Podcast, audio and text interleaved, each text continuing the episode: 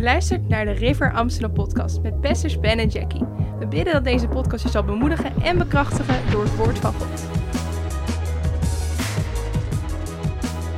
Hey, maar laten we in het uh, thema van vandaag duiken. Messi heeft uh, van de week zijn achtste gouden bal gewonnen. Uh, verdiend of onverdiend, daar laten we even in het midden. Maar hij zei iets opmerkelijks. Hij zei: Het is makkelijk om de top te bereiken, maar om de top te blijven is moeilijk. En uh, eigenlijk, uh, nou, we gaan het niet hebben over de, de top bereiken in de, in, de, in de voetbalwereld. Maar waar we het wel over hebben, is zes obstakels die iedere leider moet overwinnen. Dus zou kunnen zeggen: zes obstakels die velen doen struikelen, waardoor ze niet blijven op die bergtop. En waar ze niet blijven op, de, op, die plek van invloed waar God ze geplaatst heeft. Dus uh, laten we er gelijk uh, naar gaan kijken. We beginnen gelijk bij nummer 1. Want ik heb zes obstakels die ik met je wil delen. En het is al kwart over twaalf. So let's go. Nummer 1. Aanstoot. Je mag met me meeschrijven als je, als je het leuk vindt om mee te schrijven en aantekeningen neemt. Nummer 1 is aanstoot. En aanstoot is een rot ding. Een paar dingen over aanstoot. Nummer 1, aanstoot blokkeert je wonder. Aanstoot blokkeert je wonder. Dus als je als leider wil wandelen en impact wil maken en invloed wil uitoefenen... en je wil, je wil je wereld getransformeerd zien worden door de kracht van God... dan kun je niet toelaten dat aanstoot in je hart komt. En dit is een van de grootste obstakels en struikelblokken in de christelijke wereld. Uh, er is een man van God, John Bevere, die heeft er een heel boek over geschreven, The Bait of Satan. Het aas van Satan. En hij is aanstoot. Waardoor mensen dat aas pakken. Van, oh, ik neem aanstoot aan iets. Ik, ik, ik word boos over iets. Ik, ik word uh, teleurgesteld over iets. En ik laat dat naar binnen komen. Wat gebeurt er? Het blokkeert je wonden. Het blokkeert je groei. Het, uh, het stopt uh, je vooruitgang. En zoveel mensen struikelen over dit ding. Aanstoot. En ik kan je beloven, ieder persoon die uh, vooruit wil bewegen met Jezus. En wil groeien in discipelschap, groeien in leiderschap. Zal duizend mogelijkheden krijgen om aanstoot te nemen. Offenses will come, zei Jezus. Offenses will come. Dus Weet je, sommige mensen zeggen, ja, eh, hoe kan het nou dat ik in zo'n mooie uh, gemeente zit en zoveel goede mensen om me heen heb en dat er toch zulke dingen gebeuren? Hoe, hoe, mensen hebben zo'n beeld van een utopische wereld of een utopisch gezin of een utopisch, oh, utopische kerk of zo, maar dat is in de hemel straks. Maar hier op aarde leven we in een gebroken wereld met gebroken mensen om ons heen. Er is geen perfecte wereld. En in deze wereld, offenses will come. Er zullen vele mogelijkheden komen. Hoe goed dingen ook gaan, er zullen altijd mogelijkheden zijn om aanstoot te nemen. En het is aan jou, de Bijbel zegt in Spreuken 4, vers 23: Bewaar je hart boven alles wat er te bewaren is, want daaruit zijn de uitingen van het leven. Je leven komt voort uit de toestand van je hart. Dus als de toestand van je hart, als je daarin toelaat dat daar aanstoot binnenkomt, dat je ergens boos over wordt, dat je iets naar binnen laat schieten. Wat gebeurt er? Het blokkeert die uitingen van het leven. Het blokkeert die rivier die God door je heen wil laten stromen. Dus bewaar je hart. God kan dat niet doen, jij moet dat doen. Je moet, ieder van ons moet zijn eigen hart bewaken. En zijn eigen hart bewaren. Dat kan niemand anders voor je doen. Dus aanstoot te komen, of in ieder geval opportunities, mogelijkheden om aanstoot te nemen. Struikelblokken zullen in je weg staan. Maar het is aan jou om langs die dingen heen te lopen en er niet overheen te struikelen. Dat je niet op je snuffert gaat omdat je aanstoot neemt en daardoor in het stof ligt van oh man, hoe ben ik hier nou terechtgekomen? Nee, niet eens over struikelen. Van je af laten lopen. Er is een verhaal in het Oude Testament, 2 Koning hoofdstuk 5. Er was een Naaman. Naaman was een uh, leider in, uh, in het leger van een, uh, van een ander land. En, maar hij was melaats. Dus er was een man van aanzien, er was een man van leiderschap. Maar hij was melaats. Uh, ziek. En melaatsheid vreet je hele lichaam op, weet je wel. Je, je. En er was uh, hem, er is geen kuur voor. Er is geen uh, oplossing voor. Maar iemand in zijn land zei... hé, hey, maar er is een profeet in Israël... en die kan je hiermee helpen. Dus hij komt bij Elisa in Israël... om zijn wonden te ontvangen.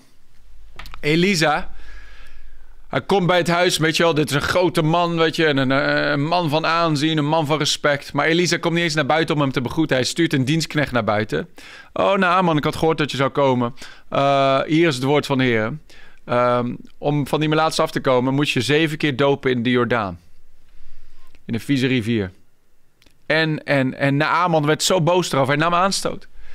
Wie denkt hij wel niet dat hij is? Die profeet. Ik dacht dat de profeet dit zou doen en dat zou doen. Dat hij een speciaal gebed over me zou bidden. En zijn er geen schonere rivieren in het land waar ik vandaan kom? Moet ik me gaan wassen? Wat is dit nou weer? En hij was bijna boos weggelopen en had bijna zijn wonder gemist. Je zegt, ja, maar ik ben niet meer laatst ben. Wat heeft dit met mij te maken? Zie, jij wil groeien in leiderschap. Jij wil groeien in impact. Aanstoten is als, is als een soort melaatsheid die op je kan komen als je niet oppast. Het is aan jou om je te onderdompelen keer op keer in het water van het woord, in de rivier van de Heilige Geest. Om vrij te blijven van die kwaal van aanstoot. Naman nam aanstoot en bijna keerde hij terug naar zijn eigen land. Zei hij van laat maar. Maar gelukkig was een van zijn dienstknechten sprak op en zei: Hé, hey, als de profeet iets moeilijks had gevraagd, had je het dan niet gedaan. Jawel. Waarom, ga, als het een simpel ding is, waarom ga je het niet gewoon doen? Humble yourself. En dat is de enige route naar het overwinnen van dit obstakel van aanstoot, is nederigheid. Nederigheid. 1 Petrus 5, vers 5, daar zegt de Bijbel: Maak jezelf nederig onder de machtige hand van God. En te zijner tijd zal hij je verhogen. Want God geeft de nederige genade, maar de hoogmoedige keert hij zich tegen. In zekere zin, aanstoot is een vorm van trots. Het is van ik weet het beter en wat mij aangedaan is, het is niet juist en ik verdien beter en al die dingen meer. En dit is niet leuk en, en ik ga gewoon.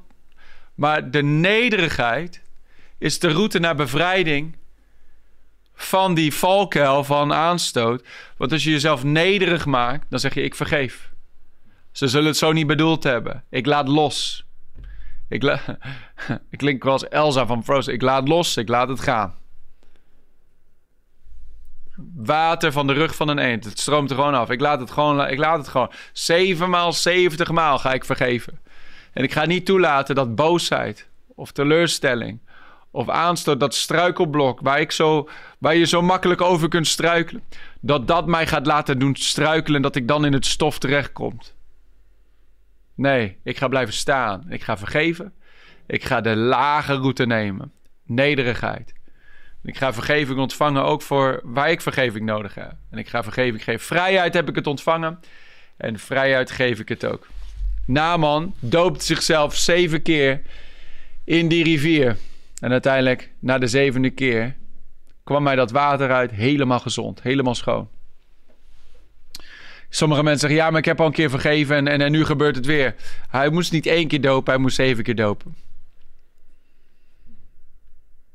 Laat aanstoot niet blokkeren en je niet roven van die grote roeping en dat grote plan dat God voor jou heeft. En, en je zou niet de eerste zijn, zeg maar, die struikelt over dit ding en daardoor nooit komt tot de volheid van hun leiderschap. En dit is vaak een ding als een test voor leiderschap. Helemaal voordat je echt in de volheid komt van je roeping, is dit zo'n ding, aanstoot, dat vele malen probeert te komen om jou maar te doen struikelen, zodat je niet vooruit blijft bewegen in dat ding wat God je geroepen heeft te doen. De Bijbel zegt zelfs over Jezus dat Jezus de steen des aanstoot is. En wie niet over hem struikelt, is zalig. Jezus de steen des aanstoot. Je, het hele evangelie is een struikelblok. Daarom veel mensen, als je het horen, zeggen ze, dat is belachelijk. Daar ga ik niet naar luisteren. Daar, ga, daar wil ik niks mee te maken. Omdat er struikelblok hebt. En ieder die niet over hem struikelt, maar juist in hem gelooft Ieder die zijn, die zijn leven bouwt op de hoeksteen. De hoeksteen is ook een steen des aanstoots. Je, je, of hij is de hoeksteen voor je leven, of hij is een struikelblok. Een steen des aanstoots waar je overheen kunt struikelen. Dus wat doe je met het woord? Naaman moest zich zevenmaal onderdompelen in, in die rivier. En de Bijbel spreekt over het water van het woord. Het woord kun je ook aanstoot aannemen. Doen veel mensen. Oh ja, maar dit vind ik niet leuk. Zoals ik. Hier, ze scheuren een bladzijde uit een Bijbel. Heb ik niet werkelijk gedaan. Die viel de laatste uit toen ik aan het preken was. Ik moet het even laten fixen. Maar veel mensen doen dat. Ze scheuren bladzijden uit een Bijbel. Niet letterlijk. Maar als ze iets lezen dat zij niet leuk vinden. Of dat tegen hun cultuur ingaat. Of tegen hun gedachten ingaan. Dan zeggen ze ja, maar dat is niet voor mij. En dat laten we aan de kant. Dan, hebben ze, dan heb je zo'n half evangelie. En dat is geen echt evangelie. Zie, het evangelie dat werkt, is het evangelie dat volle ding. Dat jij, je laat dat jij laat werken en inwerken in je hart. Waar je geen aanstoot neemt, dat als die kat, de haren van de kat de verkeerde kant op uh, geaaid worden, dan moet de kat omdraaien. Het woord gaat niet omdraaien, jij moet omdraaien. Ik moet omdraaien. Wij moeten ons aanpassen aan het woord. Het woord gaat zich niet aanpassen aan jou. Want alle vlees is als gras. Het gras ver, uh, de bloem verwelkt en het gras verdort. Maar het woord van God houdt eeuwig stand. Dit woord gaat niet veranderen. Jij en ik mogen veranderen. Wij mogen onszelf aanpassen. En dat is bekeren. Bekeren is van gedachten veranderen. Het is een metanoia, een, een, een metamorfose ondergaan in onze gedachten.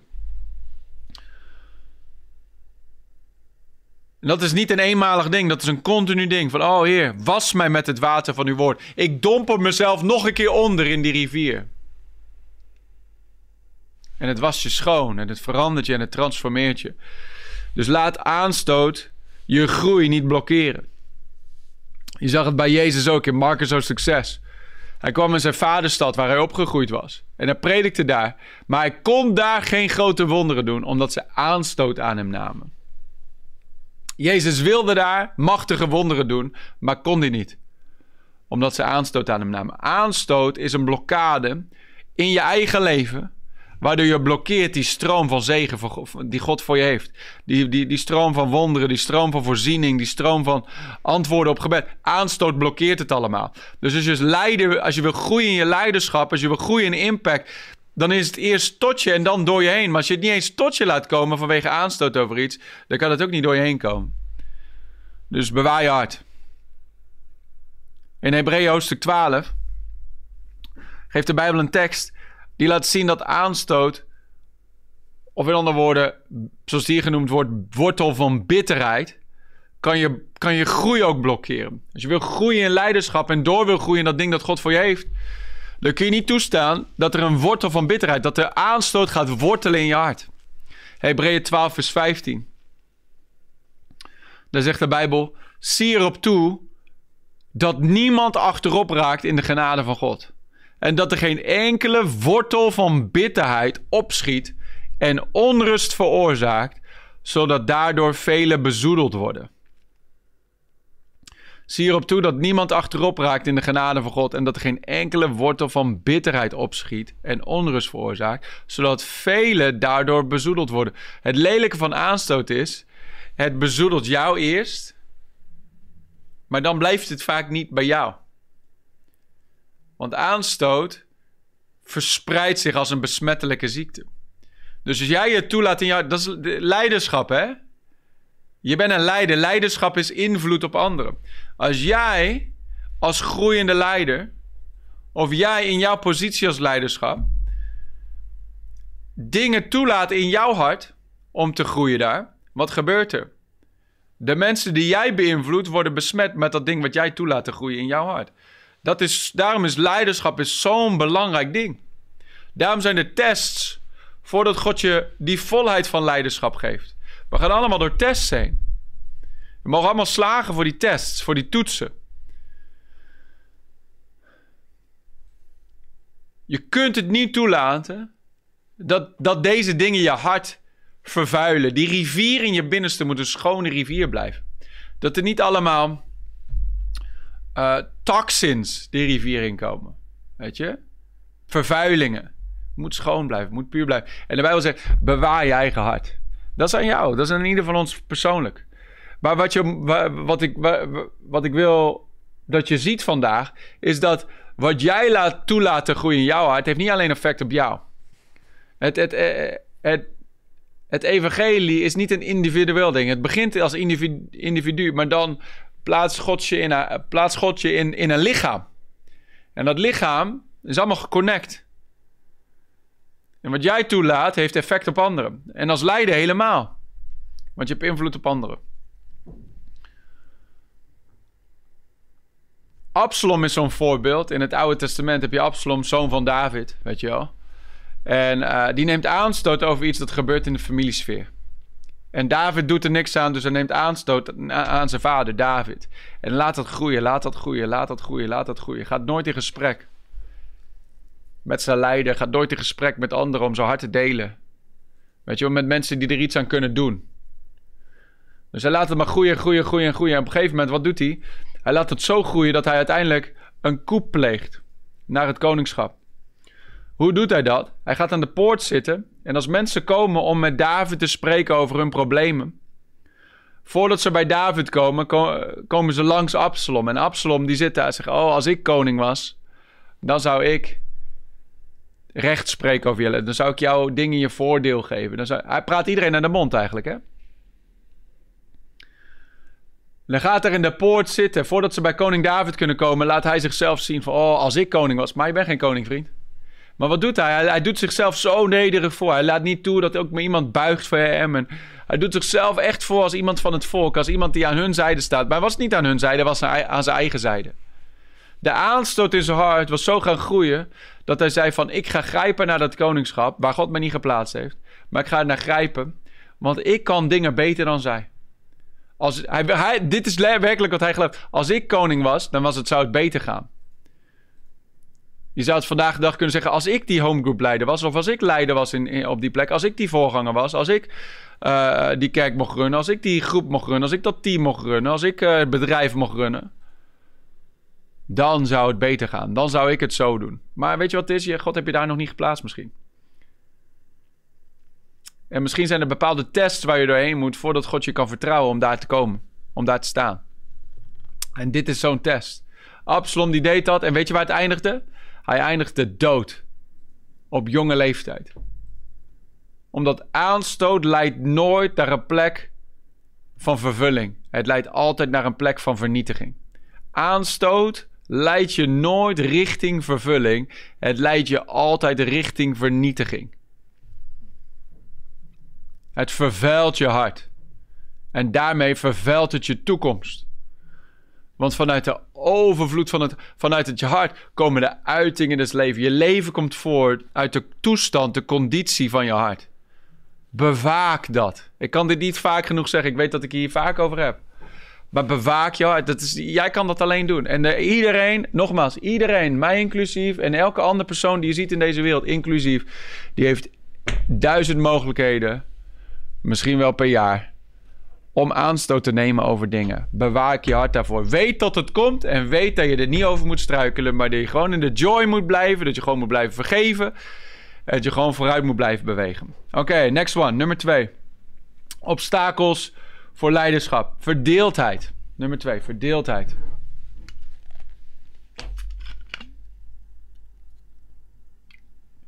Bedankt voor het meekijken allemaal. Goed om jullie allemaal te zien.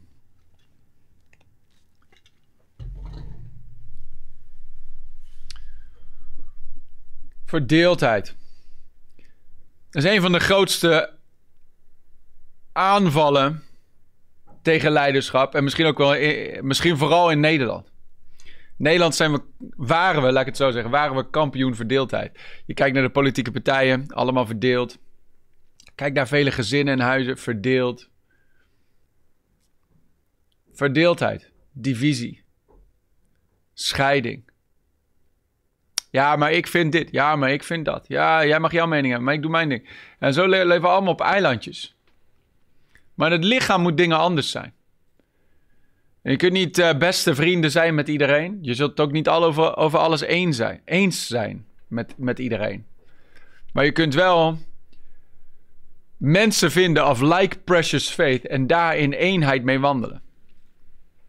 Matthäus 12, vers 25. Er staat een huis dat tegen zichzelf verdeeld is, kan geen stand houden. Dit is niet gewoon een mooie spreuk, maar dit is een, een, koninkrijk principe. Dit is een hemels principe. Een huis dat tegen zichzelf verdeeld is, kan geen stand houden. Het is onmogelijk dat het stand houdt. Dus als leider moet je waken voor verdeeldheid. Buiten, maar ook binnen.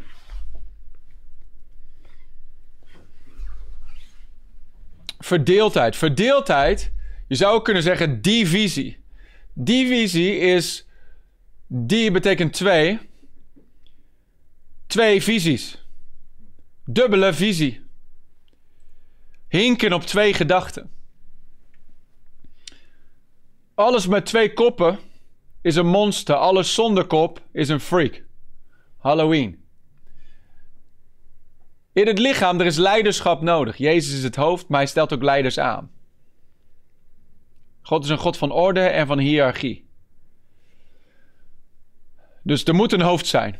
Maar als er twee hoofden zijn, wordt het freaky. Wordt het een monster, want dan gaat het twee verschillende kanten op. Daarom is visie zo belangrijk. En ik, ik weet dat ook wel voorgangers meekijken en leiders in bedieningen. Zo belangrijk om visie te hebben en aan je visie vast te houden die God jou gegeven heeft als leider. In de Stay OK dagen, in het begin van, de, van deze gemeente, en dat zullen we misschien in Amersfoort ook wel zien, is dat als je, er, ergens aan begint, als je iets begint, dan komen er altijd uh, gieren om die visie te veranderen. Of om die visie naar eigen hand te zetten. Maar God geeft visie aan een persoon. God zei tegen Abraham: Abraham, ik geef je visie om van je vadershuis te, ja, te verlaten.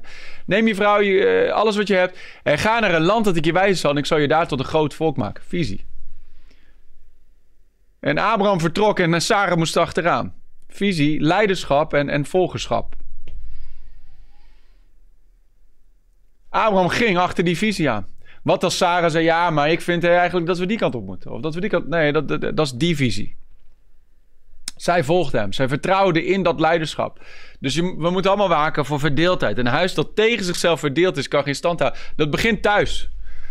In het huwelijk, weet je. En uh, weet je, dit, ik, is absoluut geen uh, chauvinistische preek van... Uh, vrouw mag niks zeggen en moet maar gewoon stilletjes volgen. Dat zeg ik absoluut niet. Maar uiteindelijk, de, de, de man is het hoofd van het huis... Uiteindelijk spreekt God. En als het goed is, hè, als God gesproken heeft, je vrouw heeft ook de Heilige Geest, dan echoot dat ook in haar hart. Kijk naar mijn vrouw en mij. God sprak tot mij over de dam en de dijken. God sprak tot mij over de river in Nederland. En hij sprak niet op die duidelijke wijze tot mijn vrouw. Maar mijn vrouw had simpelweg gezegd: Ik ga je aan. En uiteindelijk echode en weer, klinkt, weer klonk het ook in haar hart. En de Heer had het ook al lang in haar hart gezet. Maar de duidelijke roep kwam bij mij terecht. En zij moest dat vertrouwen en achter me aangaan naar een voor haar ver vreemd land. In nummer 16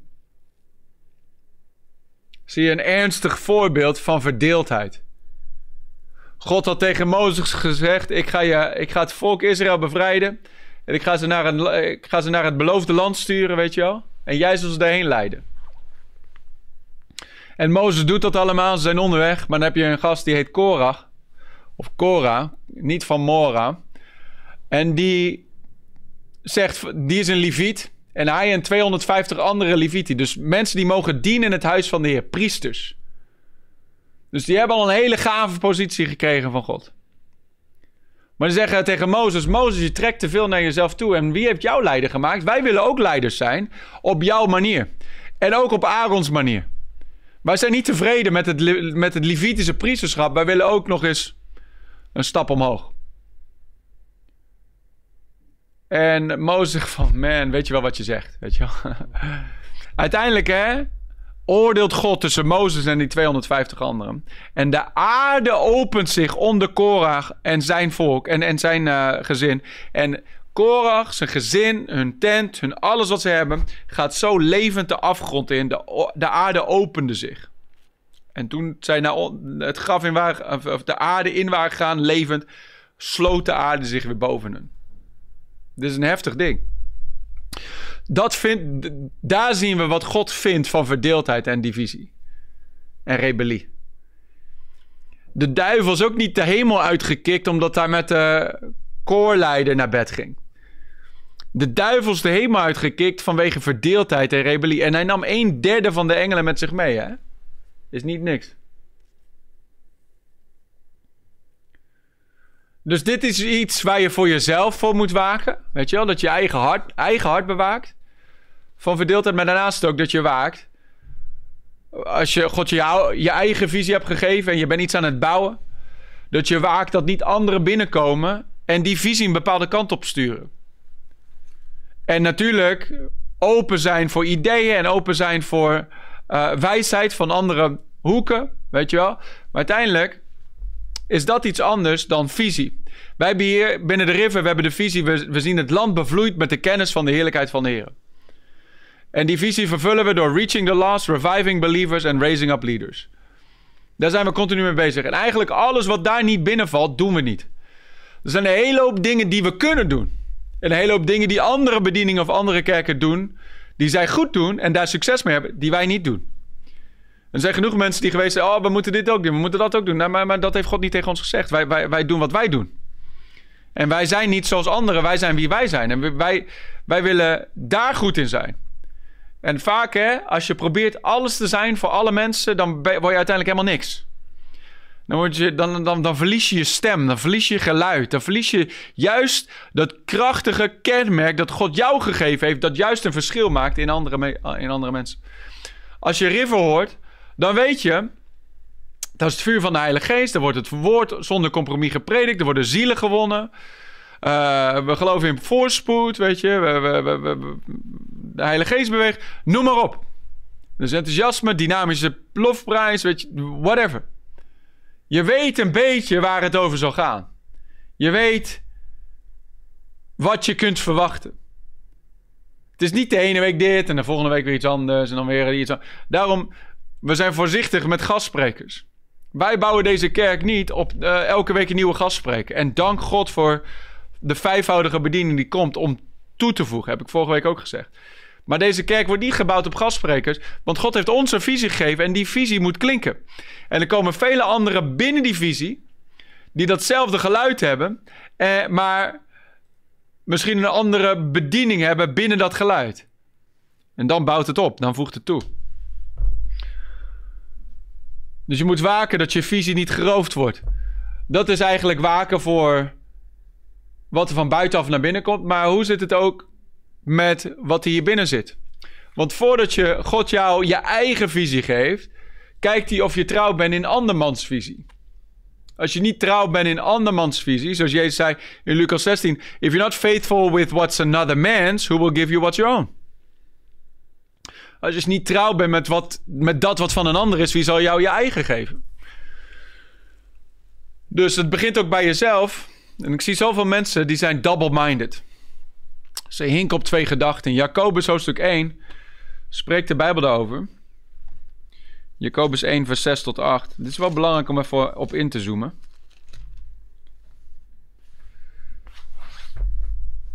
Dit gaat over bidden, maar dat, uh, dit gaat eigenlijk over veel meer dan alleen gebed, uh, dingen vragen van God. Dit gaat, over, gaat ook over je leiderschap en groeien daarin. Jacobus 1 vers 6. Laat hij er in geloof om vragen en daarbij niet twijfelen. Misschien kun je het opschrijven. Niet twijfelen. Niet twijfelen.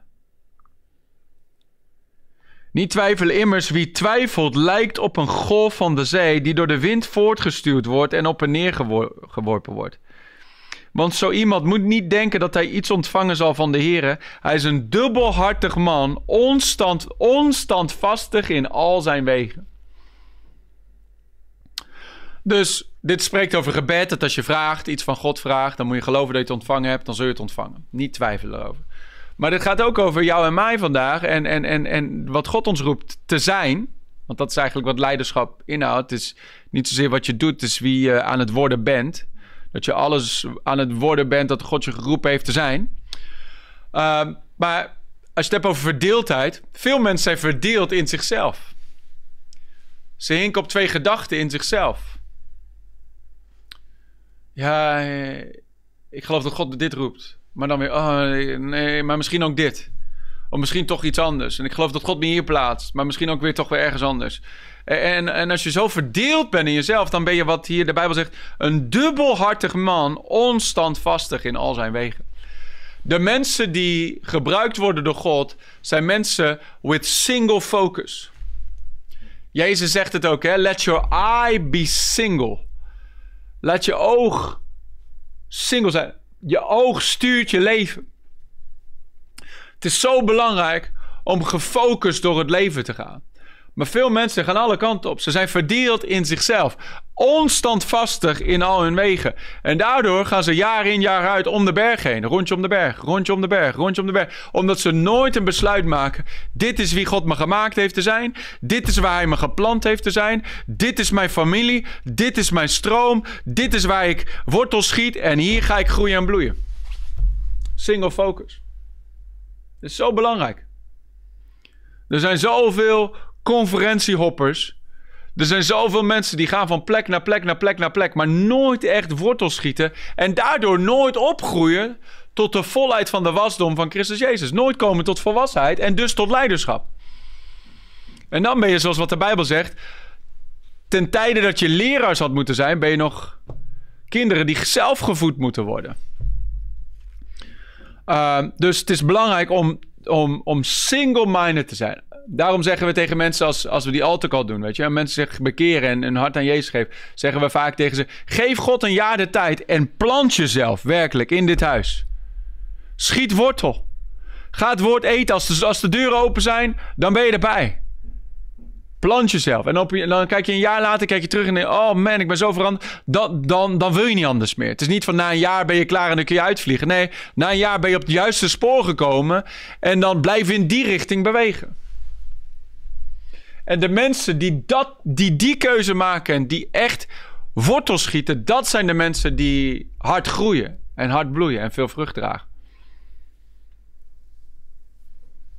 Nummer drie, onzekerheid.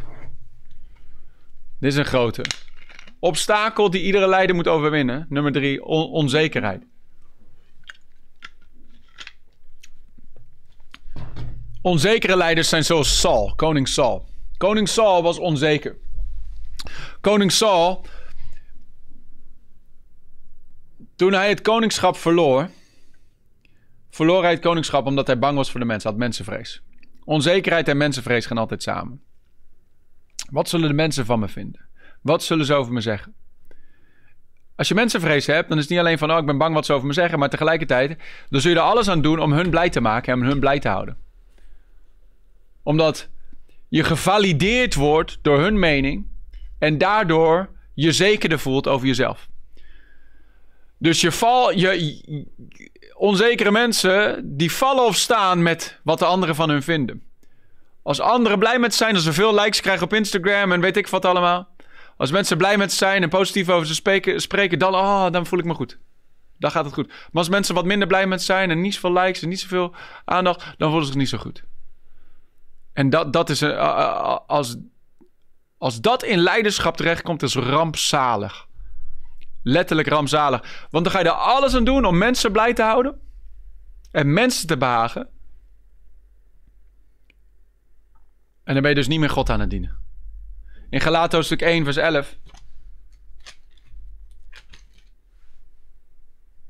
Dan zegt Paulus, sorry vers 10. Dan zegt Paulus, want ben ik, nu ben ik nu bezig mensen te overtuigen of God? Of probeer, of probeer ik mensen te behagen? Als ik immers nog mensen behaagde, zou ik geen dienstknecht van Christus zijn. Als ik nog mensen probeer te behagen, zou ik geen dienstknecht van, van Christus zijn. Dus, dus het is of het een of het ander. Of, of ik, ik wil daarbij horen en iedereen happy met me is. En, en, en, en gevalideerd worden door mensen en wat hun mening over me is. Of ik of ik word gevalideerd door wie Christus zegt dat ik ben. Ik ben geaccepteerd in de geliefde. Daar haal ik mijn identiteit uit. Daar haal ik mijn zekerheid uit. Daar haal ik mijn, mijn, mijn, mijn bemoediging uit. Daar haal ik alles uit wat ik nodig heb. Zie, als de lofprijs van mensen jou oh, fijn kunnen doen voelen en, en, en iets met je doen, dan kunnen hun kritiek jou helemaal kapot maken. En dat is een gevaarlijk spelletje. Want voor je het weet, als je leider bent, ga je alleen maar mensen leiden of tot ze spreken naar wat zij graag willen horen. Hoeveel voorgangers zijn er die bepaalde dingen niet prediken omdat, oeh, wat zou broeder zo en zo ervan vinden? Of wat zou die en die ervan vinden? Ja, en als zij weggaan, dan uh, verliezen we een hoop geld in de kerk. Who cares? Speak the truth. In liefde. Maar uiteindelijk als leider leg je verantwoording af van je redmeesterschap voor Jezus Christus. Ik ben geen dienaar. We dienen mensen wel, maar uiteindelijk zijn we dienstknechten van Christus. We zijn bij Hem in dienst. De mensen hebben jou niet aangenomen. Voorgangers. Daarom is dat systeempje van bestuur, een kerkraad die dan de, de, de voorganger kiest, weet je wel. Dat is zo'n demonisch ding. Als het hebt over dammen en dijken. Ja, wij hebben jou verkozen en wij kunnen jou eruit weer, uitknikken. Als jij niet preekt wat wij willen, dan ben je eruit. Oké, jij bent God dus. Oké. Wie, wie, wie is er doodgaan heeft jou tot God gemaakt? God is degene die roept. God is degene die een stem geeft. God is degene die een boodschap in iemands hart brandt. En de mensen die dat blokkeren en de mensen die dat in de weg staan, die zullen een grote rekenschap af moeten leggen aan de, aan de koning. Op een gegeven moment. Ik zou niet willen ruilen met die mensen. Saul, die voelde zich bedreigd door David. David, weet je wel, uh, gezalfd en, en, en uh, uh, veel succes. David versloeg een tienduizenden, Saul maar duizenden. Dus nu wordt de, de, de, de validatie van mensen waar Saul zo naar snakt, die geeft, wordt allemaal aan David gegeven. Oh man, great, great. En dat doet zoveel met Saul dat hij David probeert te doden met zijn speer. Als je onzeker bent, wat ga je doen? Zie, onzekerheid leidt naar controle. en controle leidt naar rebellie. En dat wordt zo'n negatieve spiraal waar zoveel, zo'n groot deel van christelijk Nederland in zit. Onzekere leiders die daar de controle uitoefenen. Want wat als die mensen boven mij uitstijgen, dan voel ik me minder goed over mezelf. Wat als ze mijn positie innemen? Wat als ze mijn kerk van me afnemen? Als het van je af kunnen nemen, succes. Dan heeft God het je blijkbaar niet gegeven. Maar als God het je gegeven heeft, kan niemand het van je afnemen.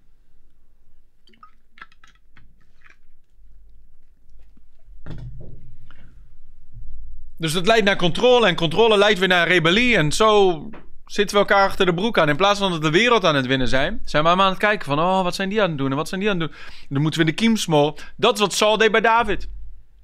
Hij was bang dat David boven hem uit zou stijgen en dat hij zijn positie zou verliezen. Want zijn positie bepaalde zijn identiteit. Als jij een positie nodig hebt om je goed te voelen over jezelf, dan, dan, dan, dan, dan raad ik je echt aan vanuit mijn hart. Blijf nog even gewoon buiten die positie en laat de Heer gewoon een werk doen in je hart. Dat je identiteit bevestigd wordt door Christus Jezus en door zijn liefde voor jou.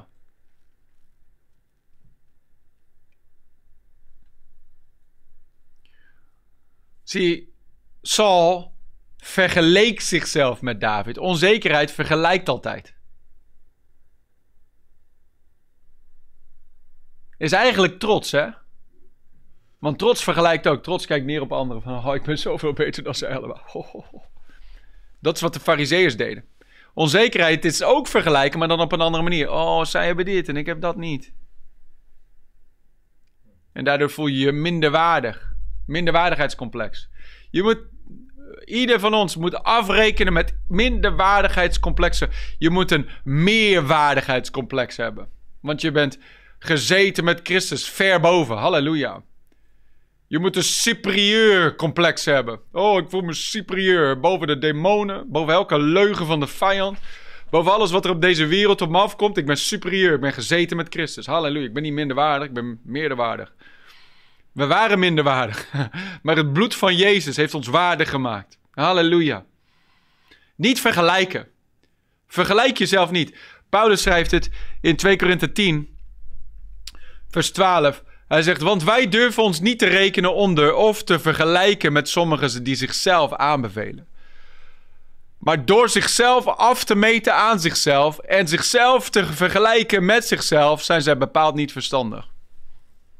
Uh, dat is eigenlijk een nette Bijbelse manier om te zeggen: You're dumb. You're stupid. Het is niet verstandig om jezelf op te meten en dan te vergelijken met een ander en dat op te meten met elkaar. Oh ja, ze hebben dit. Oh nee, dat heb ik niet. En zij kunnen zo goed preken. Eh, of zij kunnen dit zo goed doen en zo goed leiding geven. Oh, dat kan ik niet. Oh, en zij zijn. Uh, zij hebben deze talenten en dat, dat heb ik allemaal niet. Man, waarom, waarom praat je zelf niet in de. Waarom praat je zelf zo in de put? Kijk naar wat God jou gegeven heeft. 1 Korinther 4, vers 7. Er staat: Want wie maakt onderscheid tussen u? En wat hebt u dat u niet hebt ontvangen? En als u het ook ontvangen hebt, waarom roemt u alsof u het niet ontvangen? Dus alles wat die mensen hebben is hun door God gegeven. En in plaats van te kijken naar wat zij hebben, kijk naar wat God jou gegeven hebt en ren daarmee. Just run with what God has given you. En ontwikkel dat. Zie, dat hele systeem in Nederland is gericht op, als je op de basisschool begint het al. Weet je wel, als jij een zesje hebt voor topografie en een 8 voor rekenen. Dan gaan we niet zeggen van hé, hey, maar laten we die 8 van rekenen, laten we dan een 10 maken. Want daar liggen je talenten. Maar dan gaan we proberen van dat 6 proberen een 8 te maken. En dat je lekker gemiddeld bent in al die dingen.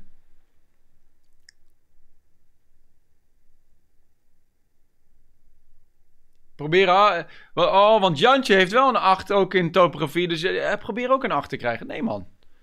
Misschien ligt daar je genade helemaal niet. Laten we niet focussen om allrounders te worden allemaal. Maar laten we focussen om supersterren te worden op dat ene ding dat God ons gegeven heeft.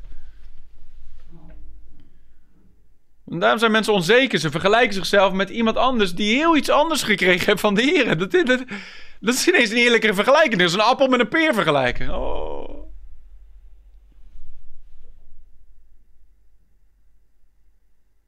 Kijk naar wat God jou gegeven hebt.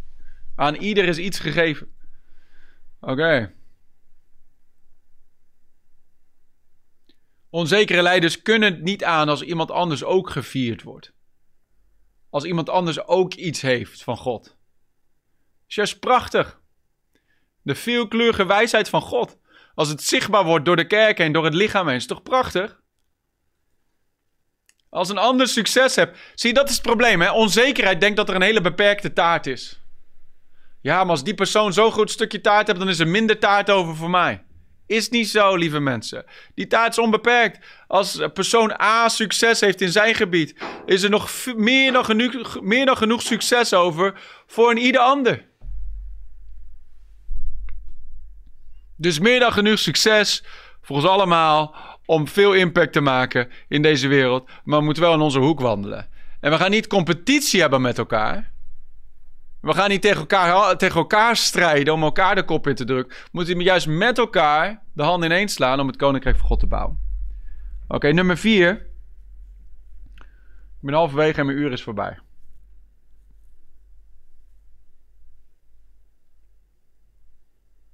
Wat zullen we doen? Verder gaan? Of hier afsnijden dan volgende week verder? Verder gaan? Volgende week verder. Verder gaan. Volgende week verder. Even kijken wat de mening van mensen is. Zodat ik bevestigd kan worden. Nog drie uur doorgaan. Oké. Oké, oké. Oké, got it. We gaan door, we gaan door, we gaan door. De, de, dit is het enige moment waarin we stemmen. Verder stemmen we niet, is geen democratie. Oké, nummer vier is afleiding. Afleiding. Afleiding. Goede dingen doen die niet door God gegeven zijn. Afleiding. Hebreeën hoofdstuk 12, vers 1. Hebreeën 12, vers 1. Leuk dat jullie allemaal meekijken en leuk dat je enthousiast bent. Hebreeën 12, vers 1 staat: Wel nu dan, laten ook wij, nu wij door zo'n menigte van getuigen omringd worden, afleggen alle last. Schrijf het in hoofdletters, zoals ik uh, een keer gepreekt heb: afleggen! Afleggen alle last en de zonde. Dus het spreekt niet alleen over zonde. Soms denken we dat dit alleen spreekt over zonde afleggen. Maar het spreekt ook over lasten. Er zijn een hele hoop goede dingen die je kunt doen. Maar die misschien God niet aan je gegeven heeft om te doen. Die een last kunnen worden. Afleggen alle last en de zonde die ons zo gemakkelijk verstrikt. En laten wij met volharding de wedloop lopen die voor ons ligt. Afleiding. Dus dingen op je bordje leggen die je afleiden van je main calling. Van je belangrijkste taken.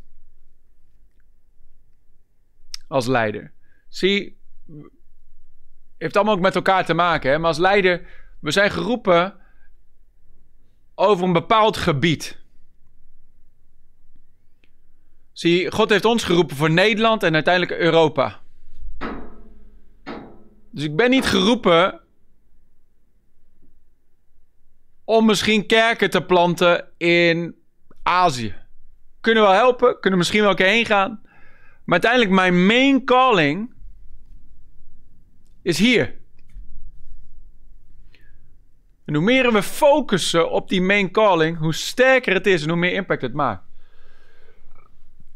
Maar veel mensen rennen rond allerlei kanten op en missen daardoor die echte impact. En het is een obstakel voor leiderschap. Afleiding. En vaak zijn dat geen dingen van... Uh, uh, ga je met me mee, we gaan wiet roken vanavond. Voor de meeste mensen die hier meekijken van vandaag... Is, is, is dat niet eens, een, is niet eens een issue, weet je wel? Maar het zijn vaak goede dingen. Zoals, uh, ik zal het persoonlijk maken. ik krijg niet heel veel uitnodigingen, maar ik krijg aardig wat, ik krijg wat uitnodigingen om te spreken ook op andere plekken. En ik, ik, vanuit mijn hart, ik help graag mee. Ik bouw graag aan het Koninkrijk van. Ik ben echt niet alleen maar gefocust op, als het niet de river is, dan wil ik het niet doen. Maar, als ik niet oplet, dan kan ik heel druk bezig zijn met preken en bedienen en onderwijs en weet ik wat allemaal, op allerlei andere plekken. En doe, doe nogmaals, doe met vreugde. Maar daardoor niet mijn beste energie meer hebben om hier te geven aan mijn, aan mijn main calling. En dan wordt het een afleiding.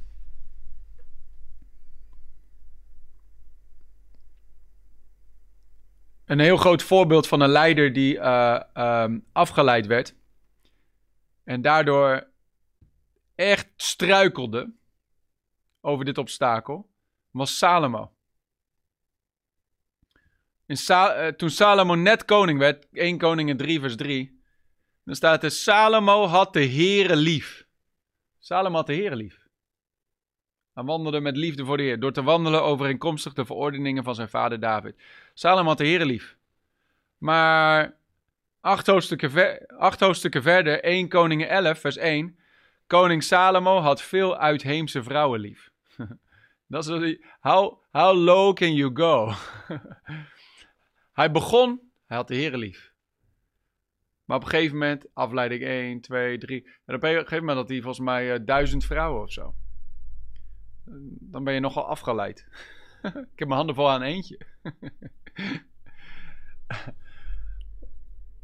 hoe, hoe kun je zo vallen? De meest wijze man die ooit geleefd had. Die toch zo de mist ingaat. Hij liet afleidingen toe in zijn leiderschap. Hij liet afleidingen binnen in zijn leiderschap. En het deed hem struikelen. Hij, hij, hij liep weg van de dingen van God. Omdat hij afgeleid werd.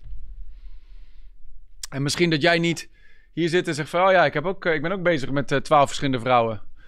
Hopelijk niet. Als je wel, dan bekeer je vandaag in Jezus' naam. Maar misschien zijn het wel uh, duizend verschillende taken... of duizend verschillende verantwoordelijkheden... of allerlei dingen die jouw tijd en aandacht verdelen. En waardoor je afgeleid bent van dat belangrijke ding waar God je geplaatst heeft, God je geroepen heeft. Afleiding. Reken ermee af vandaag. Reken af met goede dingen die niet van God zijn. Bij afleiding kun je ook, zou je ook kunnen zeggen misleiding. En dit is ook een hele grote. Afleiding en misleiding gaan samen. Want eigenlijk is misleiding, het is een afleiding van de waarheid. Als de vijand je niet kan stoppen om te preken, naar de kerk te gaan en, en, en, en, leiderschap uit te oefenen, dan kan hij misschien ervoor zorgen dat je op een dwaalspoor terechtkomt.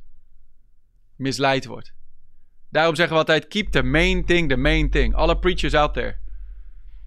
Spreek de absolute waarheden van het woord van God.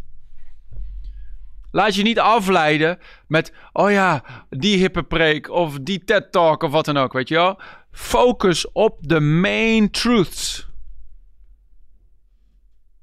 Daar zit de kracht in. Het bloed van Jezus, het kruis, de opstanding, de wederkomst, de doop in de Heilige Geest en met vuur. Focus je daarop. Preek die dingen. Doe oproepen tot bekering. Win zielen. Leg mensen de handen op. Bid voor de zieken. Hou je bezig met die kerndingen. En laat je niet afleiden en laat je niet misleiden de verkeerde kant op. Nummer 5. Ontmoediging. Ontmoediging. Voorbeeld, Elia nadat hij op de bergtop al die, uh, die grote overwinning had. Direct daarna 1 Koningen 18, grote overwinning. 1 Koningen 19, ligt hij onder een doornstruik. Ik wil dood, heer. Ontmoediging. Dit is iets waar je voor moet waken. Een obstakel waar je niet over mag struikelen. Jo Jozua 1 vers 9. Jozua 1 vers 9 spreekt God drie keer in dat hoofdstuk tegen Jozua aan het begin van Jozua's leiderschap. Hij zegt, wees niet ontmoedigd, maar wees sterk. In 1 vers 9 zegt hij: Heb ik u niet geboden? Wees sterk en moedig. Schrik niet en wees niet ontsteld. Want de Heer uw God is met u, overal waar u heen gaat. Wees niet ontmoedigd. Ook al is niemand met je, ik ben met je. Hij zegt: Wees sterk. Wees moedig. Schrik niet en wees niet ontmoedigd. Want ik ben met je, overal waar je heen gaat. Dus God zegt drie keer daar tegen hem aan het begin van zijn leiderschap: Wees moedig, wees moedig, wees moedig. Wees niet ontmoedigd, wees niet ontmoedigd, wees niet ontmoedigd omdat God weet dat de vijand is een ontmoediger. Door situaties, door omstandigheden, door mensen. Ontmoedigen, ontmoedigen, ontmoedigen, ontmoedigen, ontmoedigen. Zodat je maar het beltje erbij neergooit. En je throw the towel in the ring. Je, wave the white flag. I surrender. Maar als je dat weet van tevoren. Dan kun je jezelf ervoor wapenen. Wees sterk in de Heer en de kracht van zijn macht. Wapen jezelf tegen ontmoediging. Ik heb het er vorige week ook over gehad. Omring jezelf met mensen die bemoedigen. Als je ontmoedigd voelt, ga naar een plek en weet van jezelf, wat zijn situaties die mij bemoedigen in mijn geloof? Die mij bemoedigen in mijn wandel met de Heer. Breng jezelf daar. Bemoedig jezelf in de Heer. Als er niemand is om je te bemoedigen. En daarom kom ik elke week live, verschillende malen. Om om mensen te bemoedigen. Want er zijn heel veel mensen die niemand om zich heen hebben die hun bemoedigen. Mijn vader was een enorme bemoediger. Die was wereldkampioen bemoedigen. Letterlijk. Maar heel veel mensen, de meeste mensen, hebben niet zo'n vader gehad. Hebben niet, zijn niet opgegroeid in een bemoedigende atmosfeer. Thuissituatie. Ik wil graag een bemoediger zijn voor mensen. Om je te bemoedigen in je geloof. Je bemoedigen in je wandel met de Heer. Dat als je mijn preek hoort of mijn boot, dat yes, ik kan de wereld aan. Sommige mensen zeggen, je lijkt wel eenmaal raterband. Who cares? Maakt niet uit wat je zegt. Ik ben hier niet om chaka te zeggen of zo, maar ik ben wel om geestelijke waarheid in je te stoppen. Om je aan te sporen. Wandel, ren die wedloop. Finish that race. Maar zo ook kun je jezelf bemoedigen in de Heer. En struikel niet over, die, over dat struikelblok van ontmoediging. Daarom heeft Jezus ons de Heilige Geest gegeven. De Heilige Geest, de trooster. Hij is geen ontmoediger, hij is een trooster. You are my glory, you are the lifter up of my head. U heft mijn hoofd omhoog. De Heilige Geest is een expert bemoediger. Halleluja. Wat is een goede God. Nummer 6, onverschilligheid. Dat is mijn laatste voor vandaag. Onverschilligheid. Dat is een groot obstakel waar velen over struikelen. En, en vaak niet aan het begin, maar vaak juist als dingen gewoontjes beginnen te worden. Je zou, kunnen, je zou hem ook kunnen noemen familiarity. Bekend zijn met. Oh, dit ken ik al. Oh, dit heb ik al gehoord. Oh, weer een dienst in de rij. Aan het begin is het exciting. En op een gegeven moment wordt het gewoontjes. Oh, weer de beweging van. Oh, weer mensen die lachen, weer mensen die huilen. Oh ja, weer een alcohol. Weer, weer, uh, Mensen die hun leven aan Jezus geven. Oh ja, dat heb ik al wel eens gezien. Openbaringen 3 spreekt Jezus tegen de gemeente en tegen jou en mij in onze generatie. Vers 15 tot 19. Ik ken uw werken en weet dat u niet koud en niet heet bent. Was u maar koud of heet. Maar omdat u lauw bent en niet koud en ook niet heet, zal ik u uit mijn mond spuwen. Want u zegt, ik ben rijk en steeds rijker geworden, ik heb aan niets gebrek. Het gaat allemaal wel goed. Maar u weet niet dat u juist ellendig, beklagenswaardig, arm, blind en naakt bent. Ik raad u aan dat u van mij goud koopt, gelouterd door het vuur, opdat u rijk wordt. En witte kleren, opdat u bekleed bent. En de schande van uw naaktheid niet openbaar wordt. Salf uw ogen met ogenzalf, opdat u zult kunnen zien. Ieder die ik lief heb, wijs ik terecht en bestraf ik. Wees dan ijverig en bekeer u. Hij zegt, ik wou, dat je niet ik wou dat je heet was of koud, maar als je lauw bent, spuug je in mijn mond. Lauwheid spreekt over onverschilligheid. Onverschilligheid. Ah, het is gewoon geworden. Mijn relatie met de Heer, ja, is gewoon gewoon. Gisteravond hier beneden hadden we emerging leaders met een hele groep mensen hier uit de gemeente. En ik had het gewoon, eh, we hadden het over visiedragers zijn en de visie die God ons gegeven heeft hier. En als leider dat je hongerig moet blijven binnen die visie. Hongerig moet blijven naar Gods aanwezigheid. Dicht bij die eerste liefde moet blijven. Man, ik, ik, had het nog geen 30 seconden over. Maar de golf van de Gods aanwezigheid kwam binnen. En voor je het wist, zaten we allemaal te lachen. En, en tranen op onze, in onze ogen. Gewoon de, de, de, de goedheid van God kwam binnen. Heerlijk. Maar die, die eerste liefde moet brandend blijven. Je, je kunt niet toelaten dat je onverschillig wordt. Dat het gewoontjes wordt. Dat je het wel allemaal wel gezien hebt. Ook als leider, hè? Helemaal als leider. Want als leider, anderen kijken naar jou. En de temperatuur van jouw hart bepaalt, de temperatuur van jouw team. Of bepaalt de temperatuur van jouw groep. Bepaalt de temperatuur van jouw kerk. Bepaalt de temperatuur van, van jouw bediening.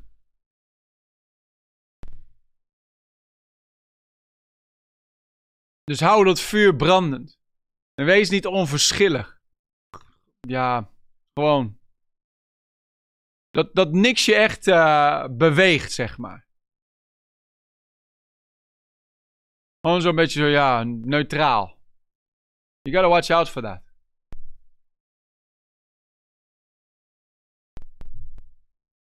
Dat is lauwheid. En Jezus haat lauwheid. Hij spuugt het uit zijn mond. Can't stand. Ik ook. Koffie moet, moet heet zijn. Maar dan wel in mijn geval decaf. Moet gewoon bloedheet zijn. Lauwe koffie, nee. Mijn vrouw, mijn vrouw zegt dan van... Oh, je moet altijd bloedheet hebben. Dit is niet lauw. Dit is, dit, is, dit is nog wel warm. Ik zeg, ja, maar warm is niet goed genoeg. Moet heet. Heet. On fire. en zo willen ook onze christenen hebben. Als leiders. En discipelen van Jezus Christus. We kunnen niet veroorloven dat we de duivel harder gediend hebben. Met meer passie, met, met, met meer vuur. Dan dat we Jezus dienen. Come on, I know I'm preaching to the choir. Want we zitten hier allemaal, allemaal vurige mensen hier. Maar uh, uh, dat is simpelweg om je dat, uh, als je dat vandaag hebt, betekent niet dat je dat morgen of volgend jaar ook zal hebben. Dat is een bewuste keuze die je dagelijks maakt. Ik blijf het hout van het woord op mijn hart, op het vuur van mijn hart gooien, zodat het vuur brandende blijft. Ik blijf de olie van de Heilige Geest erop laten gieten. Ik blijf hongerig. En een, een ander ding daarin is, ik blijf uitgieten. Want terwijl je uitgiet, wordt er in jou gegoten. Als je ophoudt uit te gieten, dan is het heel moeilijk om on fire te blijven. Als je ophoudt te dienen, ophoudt te zielen winnen, ophoudt uit te reiken naar anderen, ophoudt te bemoedigen, ophoudt de rivier te laten stromen, weet je wat? Dan word je een dam en een dijk. Dat water dat ooit stroomde, wordt nu een moeras. Moeras stinkt. Stilstaand water stinkt. Laat het niet toe dat jouw water, dat het water van de Heilige Geest in jouw binnenste, dat het stilstaand water wordt. Misschien doe je niet precies al die dingen meer die je misschien vijf jaar geleden deed. Toen je net tot geloof kwam. Weet je, misschien deed je allemaal dingen tegelijk. Maar misschien wordt het nu steeds meer gefocust op die kernkracht en die kerncapaciteiten die God jou geeft. Maar laat dat blijven stromen. En hou nooit op met gieten. In Jezus' naam. Amen. Zes obstakels die veel leiders doen struikelen, maar jou niet. Want vandaag hebben we ze ontdekt. Vandaag hebben ze gezien en vandaag zijn we bewapend Om te zeggen, wij gaan daar niet over struikelen. Wij gaan daar... Wij hebben de overwinning al. En wij kennen de tactieken van de vijand. En er is niks nieuws onder de zon. Met elke verleiding geeft Jezus de uitweg al. Halleluja. There's always an escape. Als je ontmoedigd bent of reden tot aanstoot hebt of uh, uh, loutjes aan het worden bent en, en afgeleid wordt, dan kun je vandaag dingen afsnijden, dan kun je vandaag dingen rechtzetten, dan kun je vandaag een koerscorrectie maken en weer de dingen gaan doen die je moet doen. En dat begint in de secret place. Daar wijzen we weer keer op keer op. Om gewoon dicht bij Jezus te blijven. Blijf ontvangen van de wijnstok. Blijf eten van het woord. En uh, komt helemaal goed. Dan ga je stap voor stap, ga je steeds meer zijn wie God je gemaakt heeft te zijn. Zo zijn we allemaal onderweg. En groeien we steeds meer in de dingen van God. Amen. Hey, uh, ik geloof dat dit tot zegen is geweest. Zondag uh, half 1 en 6 uur in de rij, ingang 1. Ingang E, sorry, E. Uh, ik doe de half 1 dienst. Pastor David doet de 6 uur dienst. Twee weken geleden deed hij die ook. Was een krachtige dienst. Dus wil je niet missen. Uh, ik ga met mijn zoontje naar Ajax. Het is vaak genoeg dat uh, ik gepreekt heb op momenten dat ik ook tijd met hem had kunnen besteden. Maar nu kregen we een kans. We kregen tickets aangeboden voor een skybox in de arena. En ik zei van Liam, naar ik ga met jou naar de wedstrijd. Dus uh, dat wordt hartstikke leuk. Maar uh, zondagmiddag zijn we gewoon om half één in de rij. En natuurlijk zondagavond zeker geen minderwaardige dienst. Uh, knaldienst met Pastor David. wordt supergoed. En dan ehm, zet de data van Arise and Shine in je agenda. Hebben we nu die flyer? Ik hem nu wel even erop zetten. Die moet nog veranderd worden, want er komt een locatie, komt er nog op. Zal in Amsterdam plaatsvinden. En het is niet de achtste, maar het is de negende editie. Ik moest het net even uittellen. En toen ik het uittelde, kwamen we erachter. Het is de negende editie. Al negen jaar revival weken. Toen we daarmee begonnen, negen jaar geleden in 2015, deed niemand dit soort dingen. En het is gaaf om te zien dat nu het een gewoon ding wordt in Nederland. Dus 7 tot 12 januari zondag. Om half 1 en 6 uur natuurlijk. In de rij. Maandag, dinsdag, woensdag Hoogstwaarschijnlijk in Tropen. Volgens mij in Tropen. Ik weet niet of het al helemaal vast staat, maar in Tropentheater. Vette zaal om revival te hebben trouwens. Helemaal vol douwen met mensen die honger hebben naar God. Geweldige plek. En dan uh, donderdag en vrijdag weer in de rij. En dat, uh, maandag tot en met vrijdag is allemaal om half acht. Maandag tot vrijdag elke avond om half acht. It's gonna be awesome. Elk jaar zoveel getuigenissen van hoe God mensen aanraakt. En uh, God doet altijd bijzondere dingen. Dus uh, we zien je daar graag. En uh, be awesome. Het jaar goed beginnen in Gods aanwezigheid. Amen. Hey, uh, God zegen allemaal. We zien elkaar snel. Be blessed. Bedankt voor het luisteren naar deze podcast. Als je ervan genoten hebt, deel deze boodschap dan via social media en tag ons at River Amsterdam. Wil je niks missen van onze nieuwe podcast? Zorg dan dat je abonneert op ons kanaal. En laat het weten hoe deze boodschap jou heeft bemoedigd. We zien je de volgende keer bij de River Amsterdam podcast.